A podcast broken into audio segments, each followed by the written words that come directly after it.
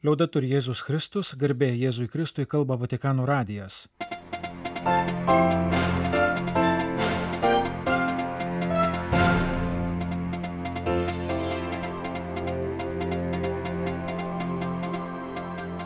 Malonus klausytojai šioje programoje. Baigėsi Pranciškaus kelionė Vengrijoje. Trečios ir paskutinės apaštalinio vizito dienos ryte popiežius vadovavo mišioms ir vidudienio maldai, o pavakarę Budapešto katalikų universitete susitiko su Vengrijos kultūros ir akademinio pasaulio atstovais. Po šio susitikimo Pranciškus atsisveikino su Vengrija ir grįžo į Romą. Laidos pabaigoje savaitės Lietuvoje apžvalga.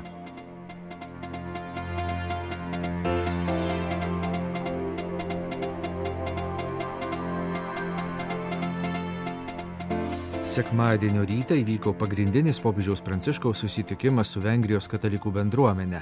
Aikštėje prie parlamento rūmų popiežius vadovavo sekmadienio mišioms, kuriuose dalyvavo apie 50 tūkstančių tikinčiųjų.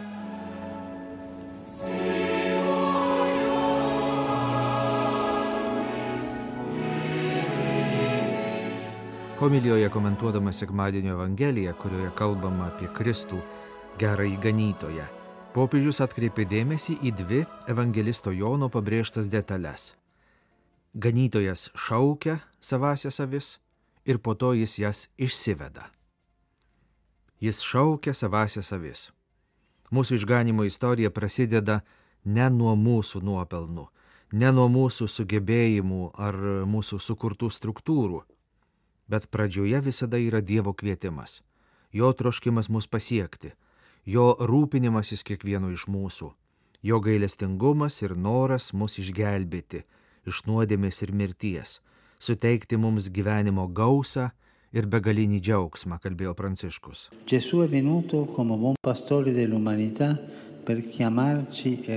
E. Jėzus atėjo kaip gerasis žmonijos ganytojas, kad pakviestų mus ir parvestų namo. Jis ateina kaip gerasis ganytojas ir kviečia mus vardu. Sako, kokie mes jam brangus. Jis gydo mūsų žaizdas ir padeda mums kelti mūsų naštas. Surenka mus į savo kaimenę. Sutaikina mus su tėvu ir vienus su kitais. Broliai ir seserys, sakė Pranciškus, šį rytą stovėdami čia jaučiame džiaugsmą, kad esame šventoji Dievo tauta. Visi esame gimę iš pašaukimo Jis mus pakvietė, todėl esame jo tauta, jo kaimenė, jo bažnyčia. Nors esame skirtingi ir priklausome skirtingoms bendruomenėms, visi esame suvienyti jo meilės glėbyje. Visi esame pašaukti puoselėti broliškus santykius ir bendradarbiauti, nesiskaldyti tarpusavyje, nemanyti, kad mūsų bendruomenės yra tik mums rezervuota aplinka, neginti savo teritorijos nuo kitų, bet atsiverti tarpusavio meiliai. Pašaukęs avis, ganytojas jas išsiveda. Pirmiausia, esame suburti į Dievo šeimą, tampame jo tauta, o paskui jis mus siunčia į pasaulį, kad drąsiai skelbtume gerąją naujieną ir liudytume mus atgimdžiusią meilę. Visi, ne vieno neišskiriant, esame pašaukti išeiti iš savo komforto zonos ir turėti drąsos pasiekti visus pareibius, kuriems reikia Evangelijos šviesos. È triste e fa male vedere porte chiuse.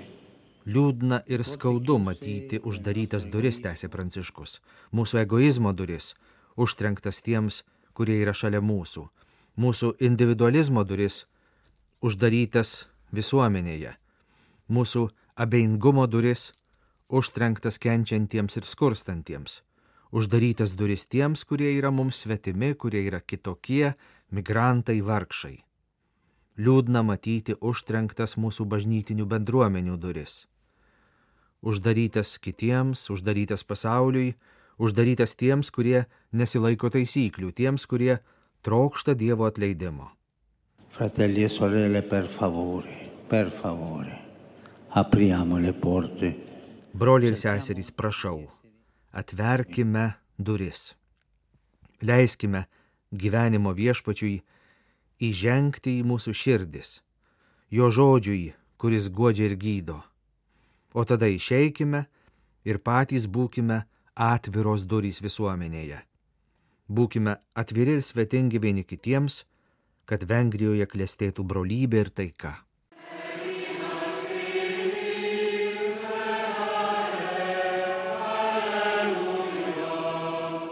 Po mišių prieš baigiamą į palaiminimą popiežius vadovavo tradiciniai sekmadienio vidudienio maldai ir šią progą tarė padėkos žodį Vengrijos valdžiai, visuomeniai ir bažnyčiai už nuoširdų prieimimą.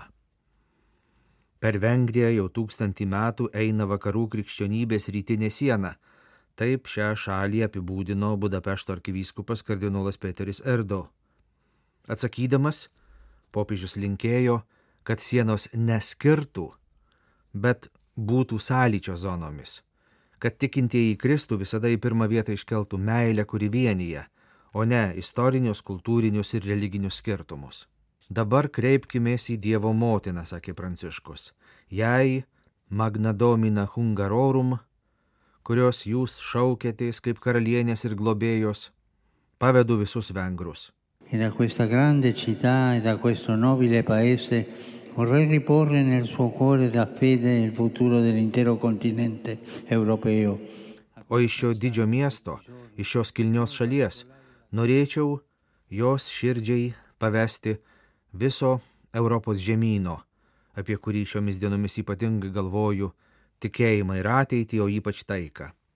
Šventoji mergelė pažvelk į labiausiai kenčiančias tautas pažvelk į kaimininę kenčiančią ukrainiečių tautą ir į tau pašvestą rusų tautą. Tu esi taikos karalienė. Įkvėpk žmonių ir tautų vadovų širdyse troškimą kurti taiką, kad jaunoji karta turėtų vilties, o ne karo ateitį.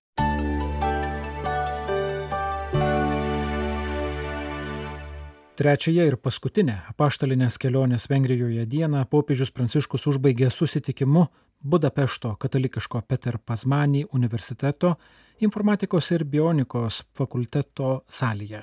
Popiežius su Vengrijos akademinio ir kultūros pasaulio atstovais pasidalijo keliomis mintimis apie kultūrą, universitetą ir pažinimą. Romano Guardini, grande intellettuale, uomo di fede.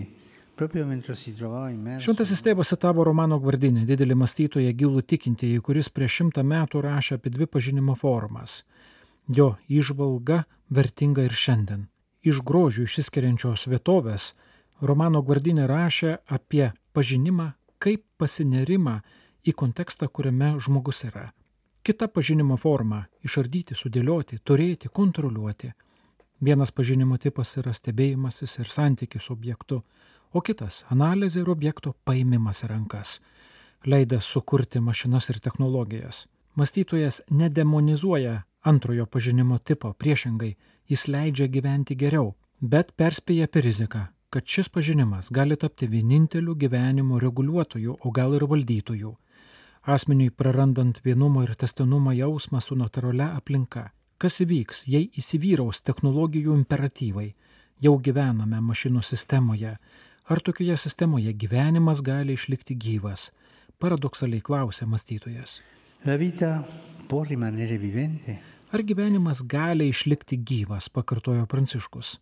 Vietoje, kur studijuojama informatika ir bionika, šis klausimas prasmingas. Galime pagalvoti apie ekologinę krizę, kuri yra gamtos reakcija į elgesį su ją kaip su instrumentu ar daiktu. Ar apie logiką, jog ją įmanoma padaryti reiškia leistina padaryti, nepaisančią ribų, arba siekia išaukštinti individą, su jo poreikiais uždirbti ir turėti, o ne asmenį su jo santykiais lėmusi bendruomeninių ryšių išplovimą, vienatvę ir baimę. Atrodo, kad šios egzistencinės sąlygos tampa socialinėmis. Tiek daug žmonių panėrė į socialinius tinklus, o visai nesocialūs tarpusavyje, bando savo tuštumas užpildyti technologinėmis paguodomis išoriškai esame vis greitesni, o viduje vis trapesni. Pasak popiežiaus, jis nesiekia žadinti pesimizmą priešingą tikėjimui, kurį džiaugiasi gali skelbti, bet tam, kad primintų, kaip jau sakyta, skirtumą tarp būti ir turėti. Popiežius Pranciškus priminė ir kitą prieš šimtmetį gyvenusią rašytoją, pasaulio valdovo autorių Robertą Bensoną, Įsivaizdavusi taip pat išvalgiai technikos valdomą pasaulį, kuriame vardam pažangos viskas yra sulyginta arba ištrinta, įskaitant religijas, tautas, kalbas, kultūras. tai naujas humanitarizmas, kuris siekia ideologiškai kolonizuoti pasaulį ir suvienodinti jį. Senelių ir ligonio eutanazija tokiame pažengusiame, bet nikiame pasaulyje rašytojui buvo savaime suprantamas dalykas.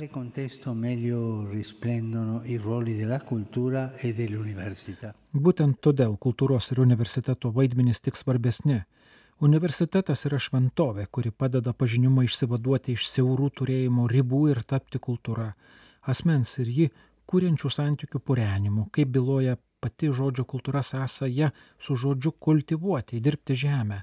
Viso žmogaus taip pat moralinės, socialinės ir religinės srities purenimu. Tokioje perspektyvoje kultūra yra žmogiškumo užtikrinimas. Kita vertus, tikram pažinimui didiems mokslininkams yra būdingas ir nuolankumas, veikas nerimas, nuolatinis malsumas, neužsnudimas savo įpročiuose. Būtina išsaugoti anot popiežiaus klasikinį mąstymą, kuris primena, jo kultūra padeda pažinti save pačius, pripažinti savo ribas, atsispirti savęs pakankamumo pretenzijai. Jei technokratinė mintis siekia ribų neturinčios pažangos, tai realus žmogus turi ribas ir trapumus, bet būtent tai jam leidžia suprasti ryšį su Dievu, su kitais ir su kūrinyje, išlaikyti pusiausvyrą tarp žmogaus trapumo ir didumo. Kitas dalykas tai tiesos aistra. Vengrija pažino ideologijas, kurios primetė save kaip tiesą, bet nesuteikė laisvės. O Jėzus sako, tiesa jūs išlaisvins. Ideologijos skleidžia netikrą laisvę, tai galioja ir šiandien. Komunizmą pakeitė vartotojiškumas. Pirmasis priverstinai ir išoriškai dėgia tarimą laisvę, o antrasis dėgia hedonistišką vidinę laisvę, kuri iš tiesų mus paverčia daiktų ir vartojimo vergais. Kaip lengva pereiti nuo ribų mąstymui kaip komunizme prie mąstymo apie save be ribų, kaip vartotojiškume. Nustabdomos laisvės prie laisvės be stabdžių. Vietoj to Jėzus siūlo išeiti, sakydamas, kad tiesa yra tai, kas išlaisvina žmogų iš priklausomybių ir uždarumo, sakė popiežius. Raktas į šią tiesą yra niekada nuo meilės neatsietas pažinimas - santykiškas, nuolankus, atviras, konkretus ir bendruomeniškas, drasus ir konstruktyvus. È questo le università sono chiamate a coltivare e la fede ad alimentare. Tai universitetai yra pašaukti ugdyti, o tikėjimas maitinti. Šeštadienį pasaulinės maldos už pašaukimus dienos išvakarėse Vilniaus arkikatedroje bazilikoje arkivyskupas metropolitas Gintaras Grušas kunigystės šventimus suteikė diakonui Edvardui Rinkevič. Edvardas Rinkevič, kilęs iš Vilniaus Šventojo Arkangelo Rapolo parapijos, kur priėmė pirmąją komuniją ir sutvirtinimo sakramentą iš vyskupo Juozo Tunaičio rankų. Šventojo Rapolo parapijoje Edvardas patarnavo per šventasias mišes, Šventojo Baltramiejaus bažnyčioje dirbo zakristijonu, o paberžės švenčiausioje Jėzaus širdies parapijoje vargonininku. Šventinamasis baigė Vilniaus Šventojo Juozapo kunigų seminariją, o pastaruosius septynis mėnesius atliko diakono tarnystę arkikatedros parapijoje. Šventimais kunigams suteikiamas sakramentas, kuris, kaip primenama Vilniaus arkiviskupijos informacinėme pranešime, šventosios dvasios patepimu įspaudžia ypatingą žymę, šitai padarydamas juos panašius į kunigą Kristų, įdant jie galėtų veikti paties Kristaus kaip galvos vardu ir asmeniu. Naujai pašventintas kunigas pirmasis šventasias mišes aukojo gerojo ganytojo sekmadienį Vilniaus Šventojo Arkangelo Rapolo parapijoje. Praėjusią savaitę Vilniuje įvyko net keli susitikimai su Lietuvoje viešinčiu generaliniu cistersų ordino abatu Mauro Giuseppe Lepori. Ketvirtadienį, lankydamasis Vilniaus Šventojo Juozapo kunigų seminarijoje, garbus svečias dalyjosi sava dvasinio gyvenimo patirtimi apie krikščioniškąją tylą. Kalbėtojas priminė, kad seminarijoje yra bendras tylos laikas, nes yra bendras visus vienijantis kunigiškas pašaukimas. Mums nereikia tylos, bet reikia Kristaus, kurį girdime tyloje. Viešpats kvietė apaštalus tapti žmonių žvėjais, nesistengiančiais būti tobulais iš savęs, meldžiantis prašymo ir šlovinimo maldomis, kuriančiomis santykius, krikščioniškoji tyla yra sąlyga girdėti į širdį kalbantįjį bei sekti paskui kviečiančio pašaukimų šaltinio - Kristaus balsą. Krikščioniškoji tylos samprata kyla iš santykio būti su šaukiančioju. Penktadienį švenčiausiosios mergelės ramintojos bažnyčioje įvyko šiomis dienomis lietuvių kalba pasirodžiusios Mauro Giuseppe Lepori knygos Simonas pavadintas Petru pristatymas. Joje autorius atskleidžia Petro artėjimo prie Jėzaus kelią, kuris išsiskiria psichologinę gelmę ir kelia didžiausius žmogaus būties klausimus. Knygą išleido Magnificat leidiniai. O šeštadienį mažesniųjų brolių konventualų vienuolynė vykusiame pašvestojo gyvenimo simpoziume Cisterso abatas kalbėjo apie pašvestąjį gyvenimą tarp šiandienos iššūkių. Kasmet vykstantį simpoziumą rengia Lietuvos vyrų ir moterų vienuolijų aukštesniųjų vyresniųjų konferencijos. Balandžio 26 dieną Vilniaus arkiviskupijos karitas išplatino pranešimą spaudai, kuriame apžvelgiami karetiečių atlikti darbai pagal neseniai paviešintą 2022 m. metinės veiklos ataskaitą. Pranešime primenama, kad Vilniaus arkiviskupijos karito bendruomenė vienyje 155 darbuotojus ir daugiau nei 1700 savanorių. Tai plačiausias socialinės pagalbos tinklas Vilniaus regione, telkiantis geros valios žmonės socialiniai pagalbai, kovojantis su skurdu, gydantis žmogaus teisės ir besirūpinantis kiekvieno pagalbos prašančiojo orumu. 2022 metais Vilniaus arkiviskupijos karitas pagalbą suteikė daugiau nei 26 tūkstančiams žmonių, tai yra 9 tūkstančiais asmenų daugiau nei pernai.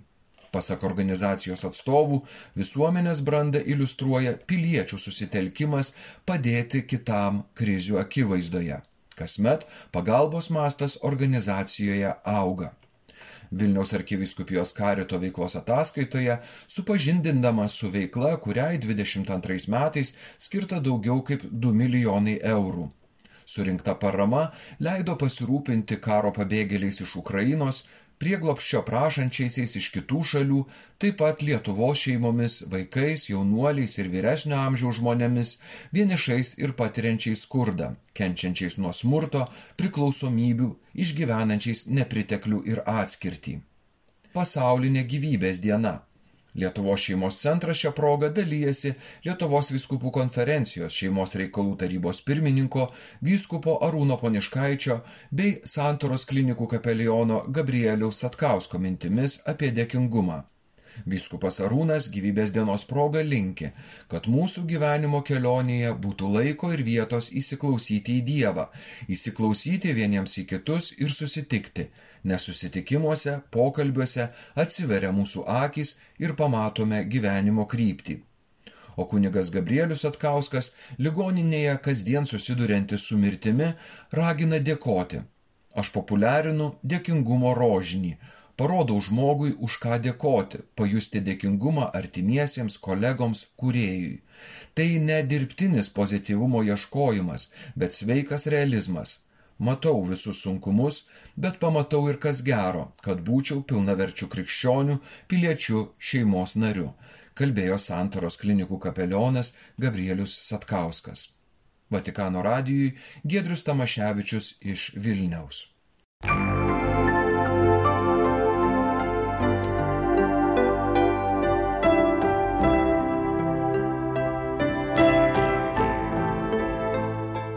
Malonus klausytojai laidą lietuvių kalbą baigiame.